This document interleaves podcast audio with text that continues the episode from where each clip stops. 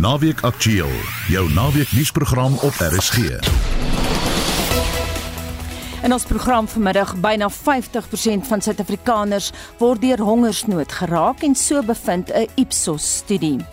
Die ANC en Ekurhuleni se streekskonferensie gaan uiteindelik die naweek voort. En Wessel Pretoria toets 'n Chinese kruisvoertuig. Baie welkom by Naweek Aktueel. My naam is Anita Visser. Ja, luister na Naweek Aktueel. Die ANC se streekskonferensie in Ekurhuleni vind uiteindelik die naweek plaas ten spyte van verskeie onopgeloste hakplekke. Die konferensie is 'n paar keer uitgestel nadat vyf streekstakke van die party dispute by die ANC se provinsiale dispuutresolusiekomitee ingedien het. Die huidige streeksvoorsitter, Mzwandile Masina, poog om herkies te word. Hy kom te staan teen die voormalige tesourier, Dr. Tsakasa, Jomari Verhoef berig. Die ANC jeugliga het verlede naweek sy verkiesingskonferensie suksesvol afgehandel en vestig nou sy aandag op leierskap in die streek. Die jeugliga se Simpiwe Patose sê die organisasie steun Dr Kakaza. The conference has declared to support its own products, who are products of the ANC Youth League, the likes of the former regional chairperson of the ANC Youth League, which is Comrade Dr. Kagaza, to stand as a chairperson of the ANC. Die politieke ontleder Tamsanqa Malinga sê die ANC Jeugliga is egter nie meer wat dit was nie. If this conference is endorsed as having been an accredited conference that's got the mandate, I think the outcome of it will be very critical for whichever slate, for one of the two slates. Let me put it like that, for one of the two slates. Die streeksekretaris, Temin Kosi Ngiza, sê na 3 uitstallings is hulle gerad vir die naweek se konferensie. We wanted to make sure that it has integrity and we make sure that as comrades go to the conference, they're not only focusing on voting, but they also focus on discussions and make sure that when we come out of that conference, delegates are clear on the way forward and resolutions that must take out of that conference is to make sure that we build the African National Congress. Dit was die ANC in Ekurhuleni se streeksekretaris Temin Kosi Ngiza. Die verslag van Tebo Mokobo, ek is Jean Marie Verhoef vir SAK nuus.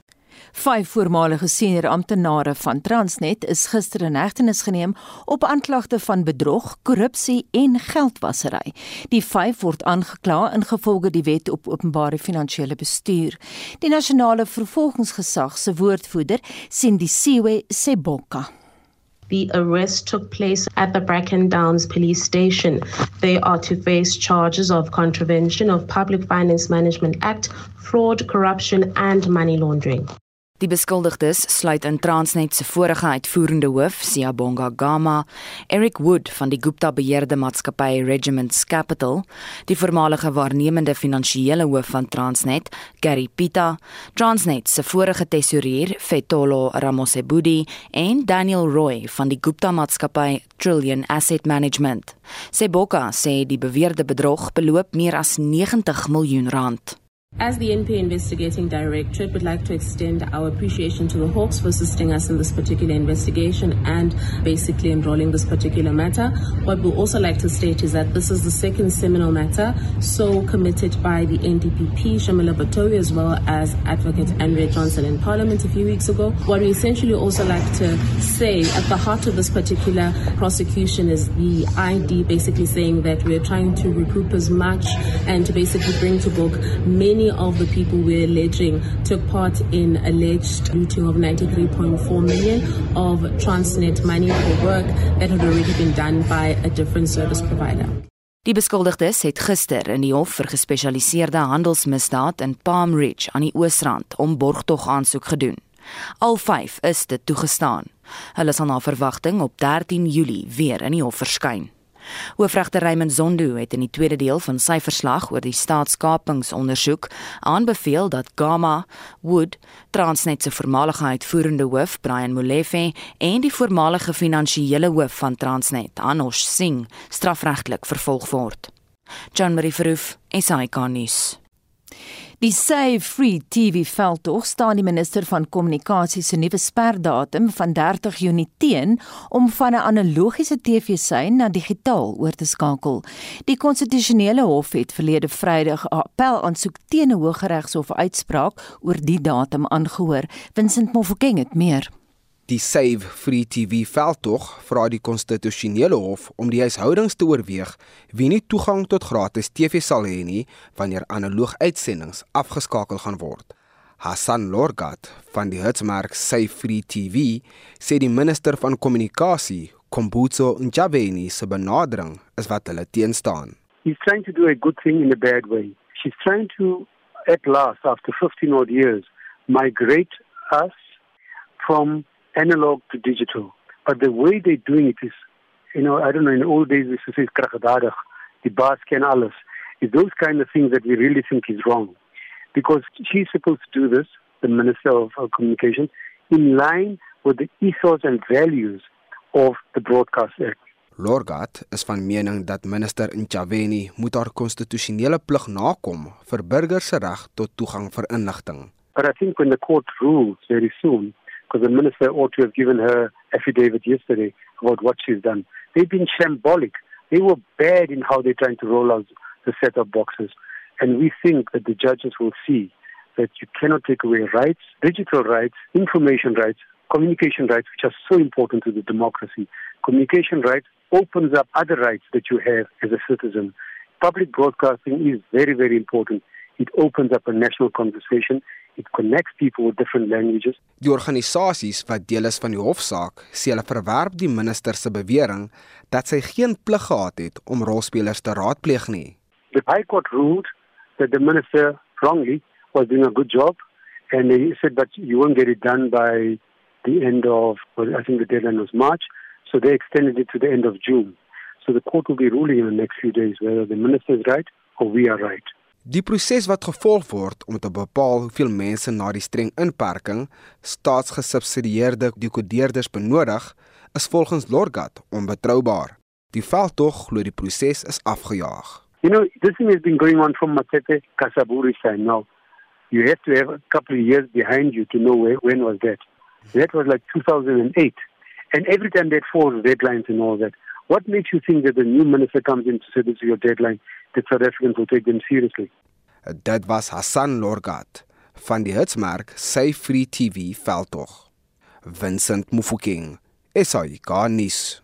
Die VN se Wêreldgesondheidsorganisasie is bekommerd oor toenemende vetsug onder Europeërs.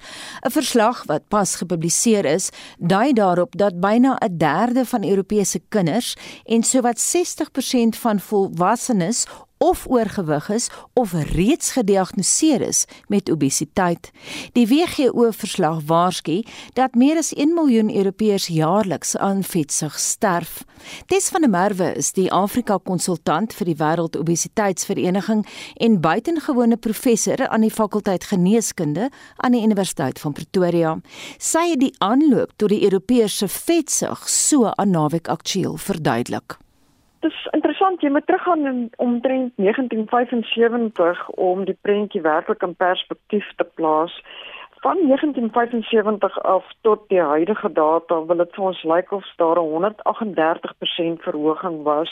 Wat bekommerniswekkend is is dat in 2016 was die voorspelling nog vir Europa 'n obesiteitsvlak van om en by 20%. Soos ons huidigelik staan in 2022 is ons klaar op 21%. So daai 25% merk wat 'n kritiese afsnypunt om iets as 'n endemiese probleem uit te maak is nou baie naby. Die groot bekommernis vir die WGO is die dramatiese invloed van getalle van die oorgewig kategorie af na die obesiteitskategorie want dit is waar jou groot risiko in jou populasie lê. Ons het gedink en Europa het gedink en die hele wêreld het gedink dat daai tendens van inskuif van oorgewig na obesiteit sal stadiger plaasvind en daar was 'n denkpatroon dat om en by 'n 1.5 kg toename in gewig jaarliks verwag kan word, maar dit wil vir ons voorkom asof dit ver oor die 2 of 2.5 kg is. So al die statistieke word op die oomblik opwaarts aangepas elke aanduiding is dat die projeksies wat die WGO gehad het vir 2025 en vir 2030 dramaties gaan uitwees. Dit maak dit 'n amper onbekostigbare dier siekte. Dit is so dat daar 'n geweldige hoë assosiasie is tussen kanker en obesiteit. Daar is wel beskryfde fisiologiese meganismes waar daar faktore afgeskei word direk deur die vetweefsel self wat die groei van kankermolekules aanmoedig nie het ons nou net 'n geval van 'n toename in jou kroniese gesondheidsprobleme waarvoor ons befondsing moet vind wêreldwyd so suikersiekte, hipertensie en so meer nie. Ons sit nou met 'n baie baie duur addisionele siekteprobleem wat in die prentjie inkom. So die situasie wêreldwyd lyk benard. Ons het nou die punt verbygesteek in terme van ondergewig die gemiddelde ondergewigsyfer al sluit jy lande so Suidoos-Asië en Sentraal en Oos-Afrika in lyk asof dit om en by 18% van jou wêreldbevolking uitmaak met obesiteit op 20-21% en 'n voorspelling vir 'n definitiewe 25% teen 2025 sit ons met 'n probleem wat nie net politici laat kopkrap nie, maar ook die mediese wêreld. En nou kan 'n mens vir jouself vra maar wat het nou verkeerd gegaan? Hoekom is daar so eksponensiële toename wat selfs volgens ons 2016 beraming heeltemal uitgaan wees? Dit is omdat ons nie bewus was daarvan dat jou dag tot dag invloede uit jou omgewing hmm. so 'n permanente eskalering sal hê in die verandering van jou sentrale neurale setpunt van jou gewig waar mense dit prakties onmoontlik begin vind om weer hulle gewig af te bring. So dit wil vir ons lyk asof daai flaks, daai verhouding tussen jou dag tot dag faktore en die uitwerking wat dit het, het op jou permanente neurale paaie wat obesiteit beheer, asof dit baie meer invloedrykend is as wat ons eers verwag het. Daai omgewingsfaktore was baie duidelike groot invloed. Die feit dat daar bitter min fisiese aktiwiteit was tydens die COVID pandemie, baie uitneem etes, so ons omgewingsfaktore wat in Europa uitspeel, het 'n baie dramatiese effek op die menslike metabolisme. Sê vir my Tess, het die WGO enige planne oor hoe om die prentjie te verander? Kan daar 'n ingryping wees? Ons gryp na strooihalms Anita. Ek dink ons is nog steeds baie reaktief. Ons probeer eerder om die komorbiditeite te behandel. Dit wil nie vir my voorkom asof enige land werklik kan vorendag kom met 'n ekonomiese strategie wat genoeg trefkrag het om hierdie probleem aan te spreek. Die wil is daar, maar die weg is nie daar nie. Jy en ek het uh, 'n uh, hele ruk gelede gesels oor navorsing wat die Dene gedoen het wat ook bevind het dat byna 'n derde van die wêreldbevolking oorgewig is. En hulle was uiters bekommerd daaroor en hulle het ook gepraat van setpunte van die liggaam en so aan al die ander siektes wat kan spruit uit hierdie vetsug. Is daar in terme van navorsing 'n nuwe manier van kyk na vetsug? Daar's verskeie nuwe maniere van kyk daarna en ek dink daar's 'n geweldige fokus aan dit op jou kinderbevolking en jou bevolking wat nog sit in die oorgewig kategorie. Want as ons nou profylakties kan optree kan ons dalk daai duikboot nog omdraai. Daar moet geweldig baie gefokus word op kinderobesiteit. Ons moet eenvoudig meer fisiese aktiwiteit terugbring. Jy moet radikaal optree. Die Deense bevolking was redelik uitsonderlik want hulle is 'n baie volwasse groep wat navorsing aanbetref en hulle trek saam as 'n een eenheid. En die enigste moontlike oplossing wat daar kan wees is om te sê jy begin by jou kind. En hoe kan ons verhoed dat mense opskuif van oorgewig na obesiteit? Universiteit. Dis hoe lyk sake in Suid-Afrika wat vet kinders betref. Vet kinders is 'n groot probleem in Afrika. Ons kyk na om en by 15% gemiddeld. Die gemiddeld vir die wêreldbevolking is om en by 13%. Dit is geen verrassing dat oor die laaste 10 jaar meeste van die kinders wat oorgewig kinders was nou volwassenes is wat obesiteit het, nee. En daardie vermaaning kom van professor Tes van der Merwe, die Afrika konsultant vir die Wêreldvetsigvereniging en buitengewone professor aan die fakulteit geneeskunde aan die Universiteit van Pretoria. Dis nou 12:20. 95% van die Afghaanse bevolking van 39 miljoen kry nie genoeg om te eet nie. Die syfer is geen duimsuig nie, maar die Verenigde Nasies se amptelike berekening. Sedert Julie verlede jaar en Maart vanjaar het die aantal Afghane wat aan akute honger ly met 14 miljoen toegeneem. 9 miljoen Afghane gaan waarskynlik sterf van die honger en dit voor die einde van die jaar. Naweek Aktueel het met die internasionale Rooikruis se hoof in Asië, Anita Dalit, gaan praat oor wat die neutrale organisasie doen om gewone Afghane te help. In Afghanistan, more than half the population is in need of some kind of humanitarian assistance. There's a growing number of people in the streets who are asking for help and who are, you know, asking for daily labour. Hunger across the country is also rising to acute levels in more than half the population as well. So it's becoming quite severe. Dit is alles te wyte aan ekonomiese faktore, insluitend sanksies wat die buitewêreld teen die Taliban ingestel het, so verduidelik Dallard. We see over the last month that the economic crisis and the banking and liquidity crisis has meant that this lack of cash within the country is affecting all levels of society. And that means that essential services like healthcare, education, and water and sanitation are also threatened and at risk. In sektor waar dit veral beroerd gaan, is Afghanistan se gesondheidstelsel wat in mekaar tuimel. There was no cash to pay the salaries of healthcare staff. There was no cash to pay for the fuel for ambulances, to run the hospital. There was no cash for food for patients or for medicines for patients. So the ICRC has stepped in to pay the salaries and the running costs of 32 hospitals across the country in order that they can keep functioning. En op voedselvlak beteken die Rooikruis se hulp dikwels die verskil tussen lewe en dood. These hospitals don't run, mums and dads have got to take their unwell kids hours, hours to the next facility in order to gain care, and they're not guaranteed. By stepping in, we're hoping that we are able to provide access to Afghans across the country. That includes maternity wings in hospitals in Kabul and other places so that, you know, babies are getting the best start in life that they can possibly in a country where they're already going to be facing many challenges. Maar hoeveel mense kry die Rooikruiswerkers? gehelp? Monthly, we're able to facilitate 300,000 consultations. So the numbers are pretty big. You know, these 32 hospitals taking a catchment of millions of people who would otherwise not have access to healthcare facilities. Alles goed en wel en prysenswaardig, maar vir hoe lank kan die internasionale Rooi Kruis sy hulp aan vuisfoos Afghane volhou? For now, we're looking at providing this assistance is booked into our annual plan until the end of this year. And then, of course, in the lead up to that, we'll be reassessing what the situation is and how much longer our assistance is needed. And what is the cost to the ICRC? Our overall budget is um, around 200 million Swiss francs in the country, and that's our second largest operation globally. Getrou aan haar opleiding en nering is Anita Dallard, hoof van die Rooikruis se kantoor in Asië, versigtig diplomaties oor vrae rakende die Taliban.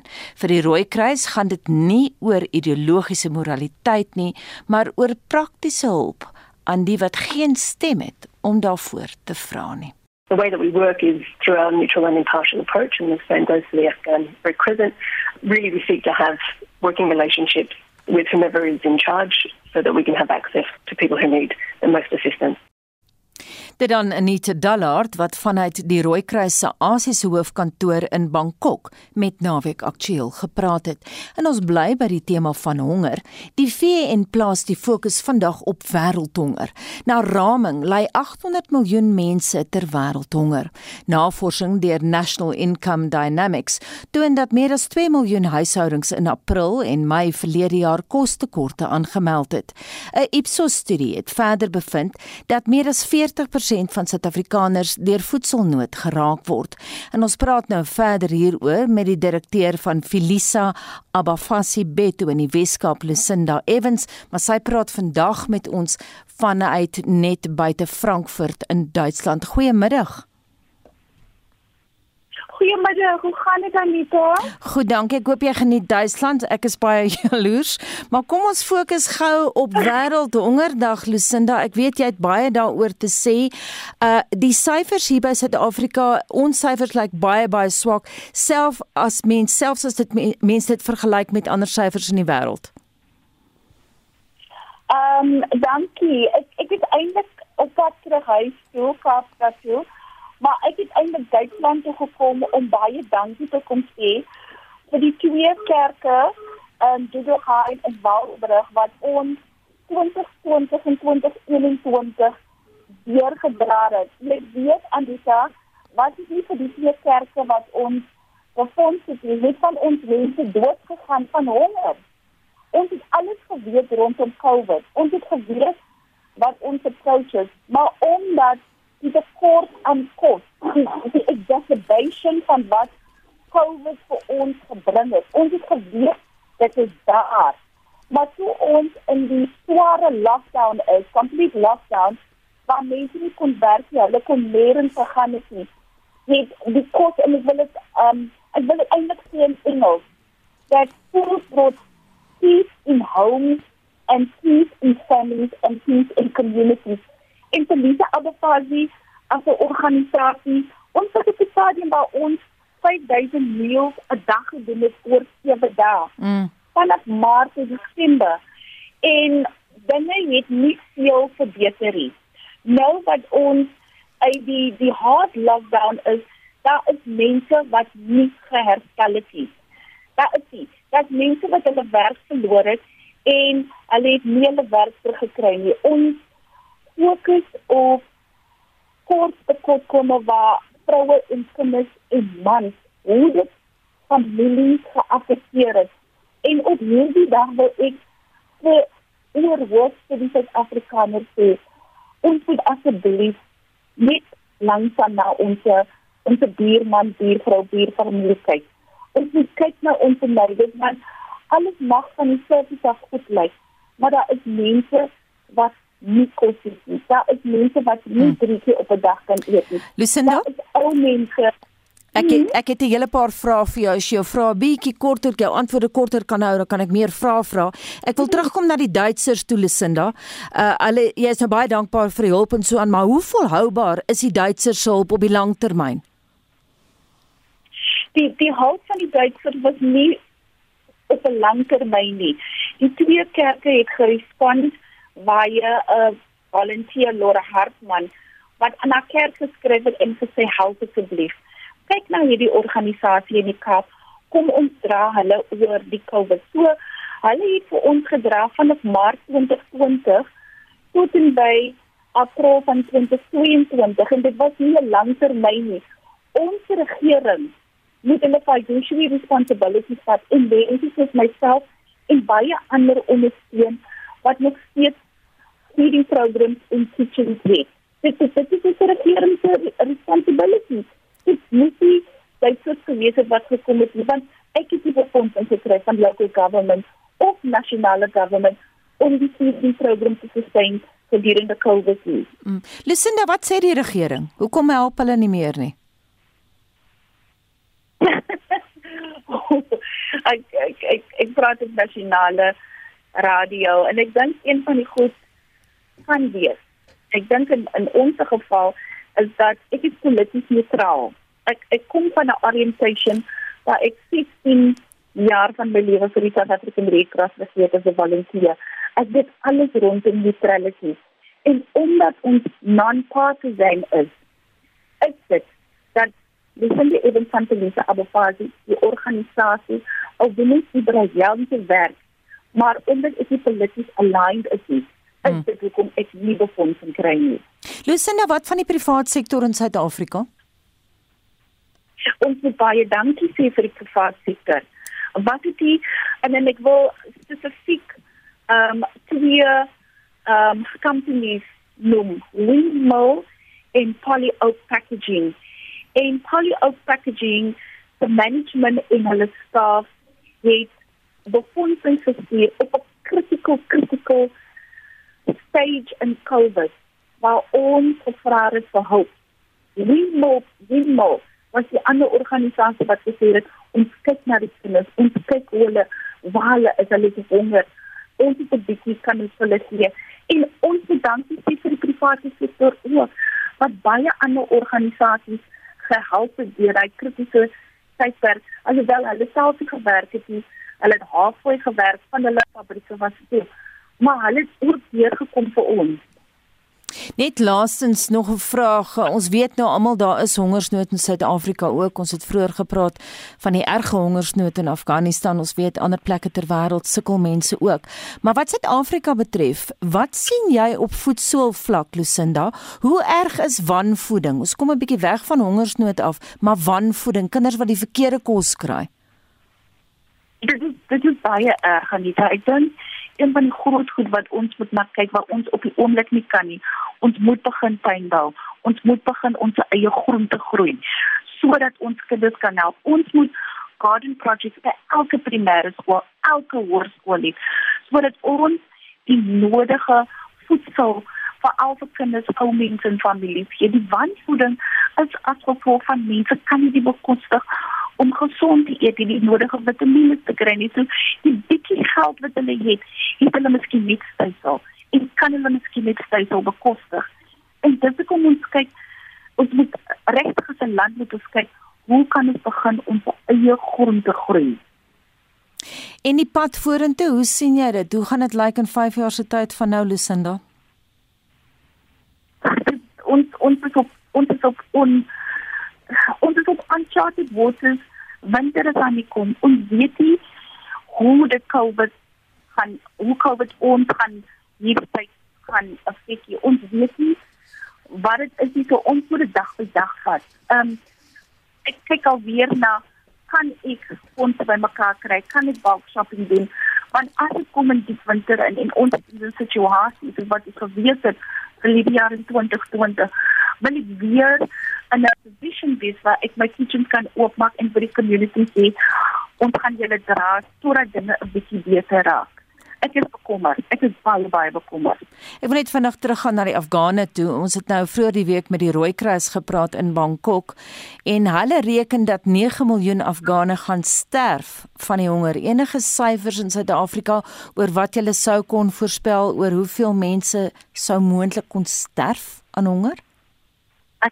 Ek kan nie Anita ek kan nie maar die Here moet ons help. Asseblief dat dit nie ons mense so moet betref nie. Want dis die realiteit.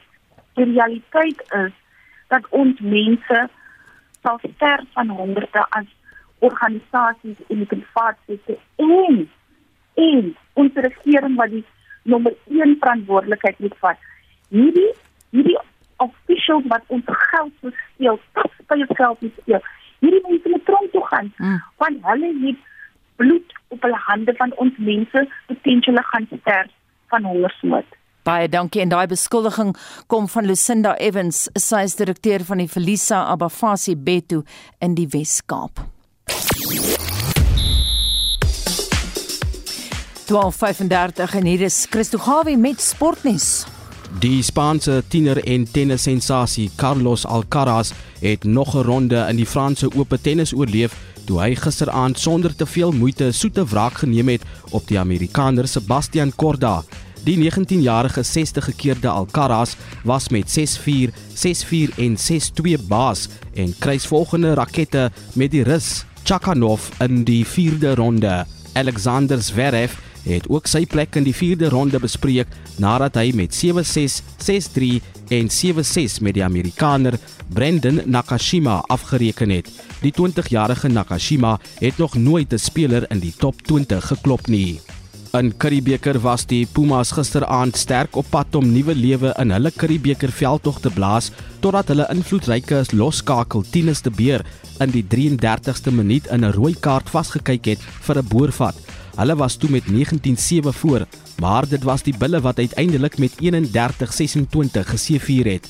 Vandag kom Griekwas teen die Cheetahs in Kimberley te staan. Afskop is om 0.30. Die Leeu's wil voortbou op hulle momentum teen die WP om 5:00 vanmiddag Die Lions het verskeie veranderinge aangebring aan die span wat die Dragons in 4K kragmetings onlangs geklop het, terwyl die Kaapenaars 'n klompie van hulle 4K spanlede wat oor 'n week in die kwartfinale van die 4K reeks teen die Skotse span Edinburgh in Kaapstad moet speel, vir die stryd teen die Lions beskikbaar gestel. In DStv Premier Liga sokker het Royal Am en Orlando Pirates gelykop gespeel met 2 elk. Maandag aand kom dieselfde Pirates teen SuperSport United te staan. In die Europese Kampioenskaps eindstryd kom Real Madrid en Liverpool vanaand om 9 teen mekaar te staan. En dit was Christo Gawie met ons sportnuus.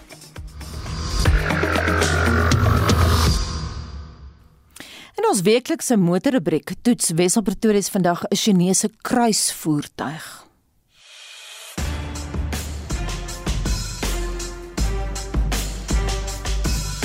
Die Chinese vervaardiger Chery het in 2018 uit Suid-Afrika pad gegee.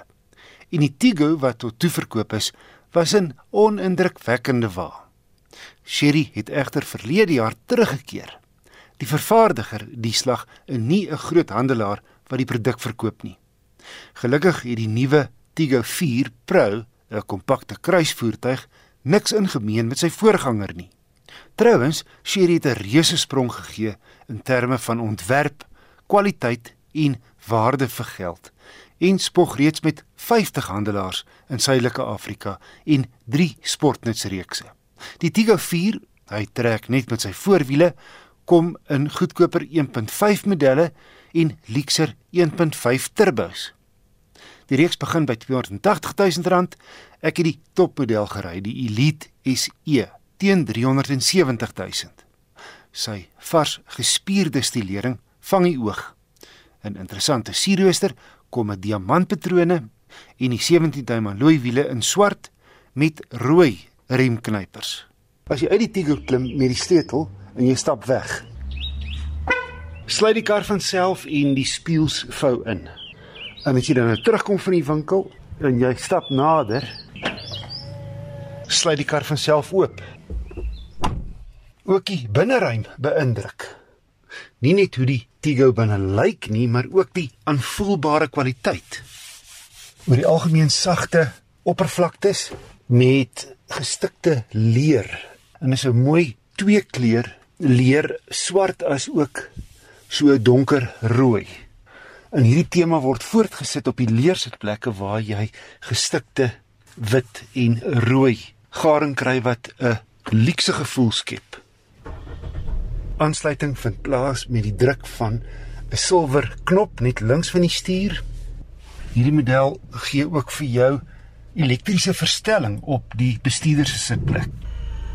En daar stop dit nie. Hierdie topmodel kom ook standaard met 'n sondak. Die Tigo 4 se instrumente is digitaal en verander saam met Eco en Sport rymodusse. Die groot sentrale skerm gee 'n helder hoë definisie beeld en koordlose toegang tot Apple CarPlay en Android Auto. Die klimaatbeheer word nie met skakelaars verstel nie, maar op 'n futuristiese raakoppervlak. Die agterste passasiers het ook liguitlate. En met jou stem kan jy verskeie funksies verrig. Verder, outomatiese lig- en reënveers en togbeheer. Veiligheidskenmerke sluit in 6 ligsakke, traksiebeheer, drie sensors met 'n goeie kwaliteit driebeeld en banddruksensors. Sou jy sy grondvryhoogte van 18 cm toets, kan jy ook afdraande beheer skakel.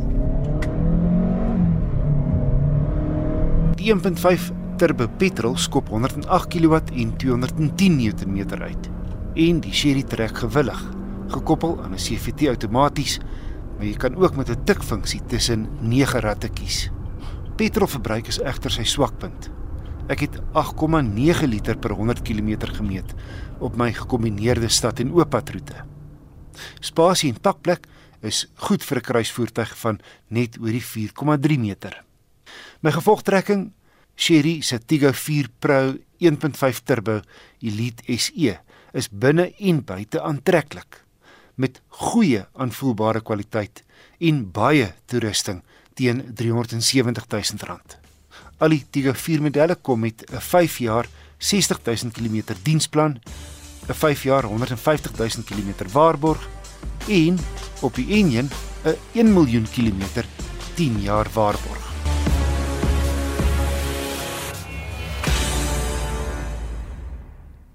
En dit was Wesel Pretorius. 'n Studie deur die Universiteit Stellenbosch het bevind dat onderrig in wiskunde tydens die COVID-19 inperkings tussen 95 en 106% afgeneem het. En leidens die studie het veral armer armer skole oor die hele spektrum swakker gevaar. Vincent Mofokeng het meer. Die studie toon dat die verlies aan onderrig in 2021 gelei het tot 'n agterstand van 1 volle jaar, vergelyke met 2019 toe daar laas normale onderrig gegee is. Die studie het leerders se prestasie ondersoek in die Wes-Kaapse sistematiese toetse vir grade 3, 6 en graad 9 in wiskunde en tale. Dit vergelyk die 2019 prestasie van leerders van dieselfde skool op dieselfde vraestel met die prestasie wat hulle in 2021 behaal het. Die kurrikulumspesialis, professor Ursula Hodley, sê skole moet dringend reageer op die skade wat die verlore tyd aangerig het. That will require also targeting maths and language. These are gateway subjects and all subsequent learning in schooling and beyond requires mastery in these two subjects. So that in the foundation phase, the ability to read, write, count and calculate, and then language and mathematics competencies later on in the later grades are absolutely essential for all learning. Die Wes-Kaapse Departement van Onderwys se data toon dat 155 dae in onderrig in 2020 en 2021 verlore is. Dit maak taaloorgang moeiliker vir leerders wat in hulle huistaal in grondslagfase onderrig kry. Hotley verduidelik. The greatest losses were experienced in grade 6 language and in grade 9 mathematics. And it's clear in maths that learning losses compound over time. The grade 6 language losses are likely attributable to those learners who are transitioning from an African language in foundation phase to English or Afrikaans in the intermediate phase. Dit is duidelik uit al die toetse dat alle skole met beter hulpbronne kleiner leerverliese gelei het. Die studie beveel aan dat ekstra onderrig gegee word en dat nie noodsaaklike vakke opgeskort word om meer tyd aan tale en wiskunde af te staan. Die Wes-Kaapse Onderwysdepartement sê terwyl hy 'n aantal herstelprogramme in plek het, is hy ook besig om sy leerder herstelplanne aan te pas om die verliese aan te spreek. Die verslag van Thandiswa Mau in Kaapstad. Ek is Vincent Mufokeng vir SAI Garnis. Jy luister na Naweek Aktueel elke Saterdagmiddag tussen 12 en 1. Meesters en doktorale gegradeerdes van Afrika Universiteite sal voortaan nie meer 'n spesiale visum gaan kry om hulle in staat te stel om in Brittanje te gaan woon en werk nie. Bly ingeskakel vir daardie storie, maar nou eers iets heel anders. In die laaste episode van ons reeks oor geslagsneutrale skooluniforms fokus ons op die pad vorentoe. 'n Nie regeringsorganisasie Inclusive and Affirming Ministries sê plattelandse skole is agter met hulle progressiewe beleid weens 'n tekort aan hulpbronne persone. Reginald Witboy het meer. Die impak en oplossings vir die voortsleepende kwessie van 'n geslagsneutrale skooluniform duur voort. 'n Skoolonderwyser, Krogan Petersen, So, to our Minister of Education and all the ministries in education, listen to the voices that you are servicing. Listen to the voices that we as teachers are educating. And let's try and use those voices and collaborate together to have the best possible outcome. Ten minste een provinsie in die land maak vordering. Die Weskaapse Onderwysdepartement sê hulle beleid oor nie geslagskooluniforms is in 'n gevorderde stadium. Die departementele woordvoerder is Browna Hammond. This is a groundbreaking guideline. There had previously been no guidelines or policies for schools to follow to support transgender learners, for example, in the Western Cape or in any other province in this country. So, to assist schools in creating a more inclusive environment for all learners, regardless of their gender identity, gender expression, and sexual orientation, we have been in the process of developing these guidelines, which is expected to be released this year. Included in this policy development process is input from various specialists in the field, including social workers, psychologists, and legal experts. We have also considered the comments made during the public participation process. Maar die sielkundige impak van die kwessie is ook nog daar. Gillian Davids van die nuwensgewende organisasie Triangle Project. So, the social worker provides psychosocial services to students who struggle with the school environment, who's not catering to their needs as gender diverse or sexual, their sexual identity is basically challenged at school, you know, in the school environment, in the class, within the school environment with regards to policies and practices as well. Maar die doen dit jouself projek het spoed opgetel. Malo Valentine van die Inclusive and Affirming Ministries sê beleid is van krag en daar is vordering. We found that students in themselves will tackle very difficult situations at school. We found in the Western Cape where around pride and around those types of celebrations, learners push the boundaries. And when they work very closely with authorities, with school bodies, around the policies, around the implementation of progressive laws, we find that schools are willing to be open to these types of conversation. Alles goed en wel vir stad en dorp skole, maar die skole in die landelike gebiede word afgeskeep, weer Valentine. Unfortunately, in terms of culture and language, our learners within rural areas still lag behind. We find that teachers aren't really progressive because they don't have access to information within these schools. So unfortunately our learners within rural communities is very restricted around their support for learners. 'n Graad 9 leerder, Lenerick Du Plessis, meen dat aanvaarding die sleutel is. You dress according to how you feel. You don't dress to somebody else. You must be comfortable in what you dress. Because if you're not going to feel comfortable in a, maybe the boy want to wear a skirt. Now he don't feel comfortable in the skirt. Or he feel comfortable in the skirt. Other children bully him. He don't look nice in the skirt. He don't look. But he feel comfortable. Then the police must be stopped and tell that's wrong what you do. Dit was Lenerick Du Plessis 'n graad 9 leerder in die Wes-Kaap. Hierdie storie is in samewerking met die International Women's Media Foundation vervaardig. Ek is Reginald Witboy in Kimberley. Nou iets heel anders. Meesters en doktorale gegradueerdes uit Afrika universiteite sal voortaan nie meer 'n spesiale visum kan kry wat hulle in staat sal stel om in Brittanje te woon en werk nie. Die sogenaamde high potential visum is nou taboe vir Afrikane.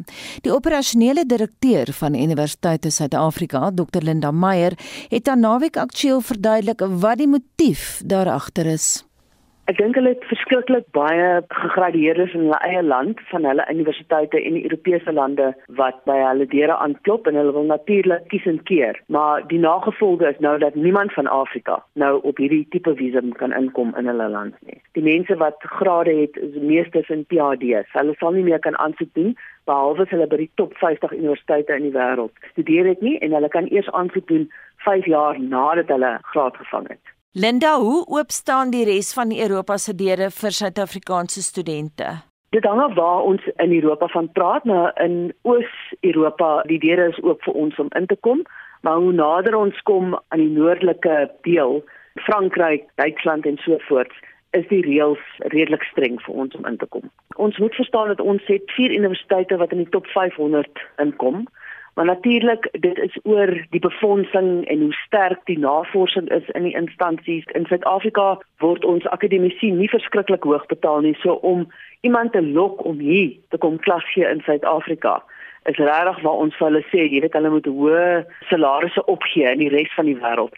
Ons top akademici word gereeld gevra om in internasionale universiteite by hulle te kom werk. Die deure staan vir hulle oop om enige plek in die wêreld te gaan werk. Hulle word 4 of 5 keer betaal wat hulle in Suid-Afrika betaal word. Hoeveel van ons akademici word geag as top in hulle veld? Jy het mos graderings, nê? Nee? Ons het.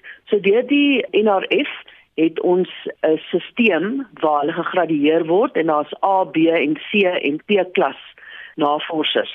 So vir ons is die top navorsers is natuurlik die A klas en ons het 'n redelike hoeveelheid maar oor die algemeen as ons ons vergelyk met die res van die wêreld staan ons redelik terug in terme van hoeveel akademici daar is wat regtig wêreldwyd bekend is. Hoe kan ons dinge verander dink jy? Jy werk in daai wêreld. Ek dink die ding is om seker te maak dat die salarisse van passing is sodat mense na die akademiese toe wil kom. Want as hulle baie meer kan verdien in die besigheidswêreld, is dit moeilik om hulle by ons in te kry. So baie van hulle werk vir ons deeltyds, maar wat ons kan ook doen is om seker te maak dat die reward system wat hulle kry vir die uitstekende werk, vir die pypwerk wat hulle uitsit, dat ons beter na daai stelsels kyk. Alles op die einde van die dag gaan oor geld. Hoe kan die privaat sektor help? Nou dis 'n baie interessante vraag want die regering het van 2018 af spandeer hulle meer op R&D, op research and development and innovation as die private sektor. Hulle moet meer belê in Suid-Afrikaanse instansies om die navorsing hier te hou en dit nie uit te stuur na ander lande, China en Indië en so voorts nie. Hulle moet regtig kyk hoe die stelsels lokaal kan bly sodat die navorsing hier in Suid-Afrika gehou word. As hulle dit sou doen, wat kry hulle daaruit? Dis regtig om te sê dat ons het op navorsers om goedkoop te betaal vir navorsing is nie noodwendig die beste ding nie. Dit is natuurlik waarvan ons nou praat. Is hoe hou ons die top akademici in die land? Dis om geleenthede te skep waar hulle uitstekende navorsing kan doen dat daar navorsing hier in ons land is byvoorbeeld die coronavirus die verskillende variante wat hier in Suid-Afrika geïdentifiseer is dat daai tipe geleenthede dat ons die infrastruktuur bou sodat ons kan aanhou om in die internasionale gemeenskap seker te maak dat ons gesien word as hooggesogte navorsers. En so sê die operasionele direkteur van Universiteit van Suid-Afrika, Dr Linda Meyer. En dan fliek vloeie skuif nader want hier is Leon van Nierop.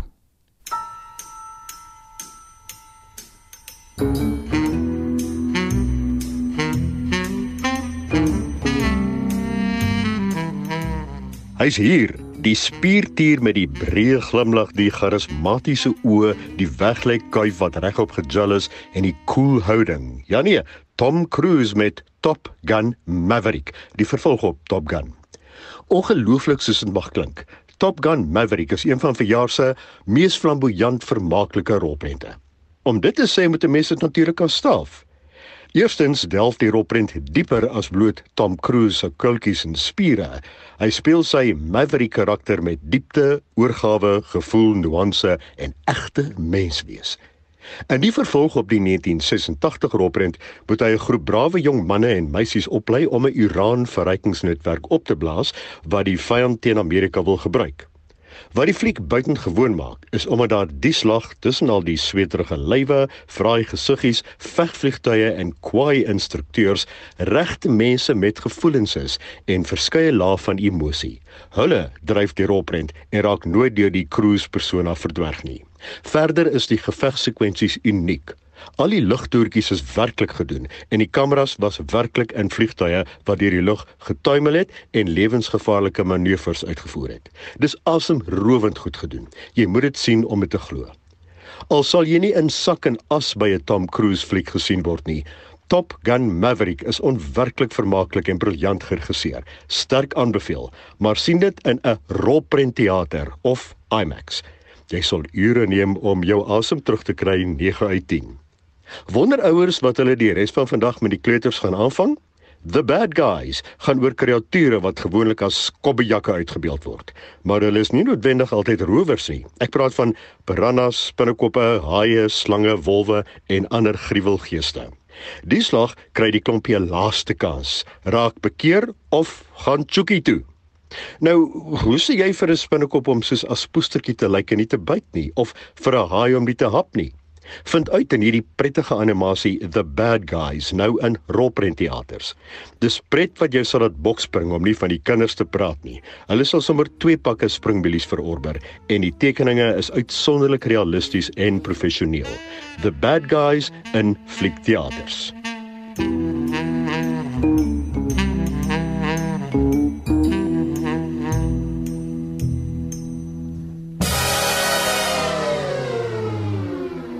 Laaste woord aan Leon van Nerop. Ons met groet namens ons uitvoerende regisseur Nicoline de Wee, die redakteur vandag Jomari Verhoef en ons produksieregisseur Johan Pieterse.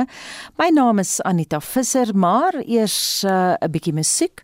Vandag in 1968 het Graham Nash van Crosby, Stills, Nash and Young sy eerste soloalbum genaamd Songs for Beginners vrygestel en hier is dit. Thank you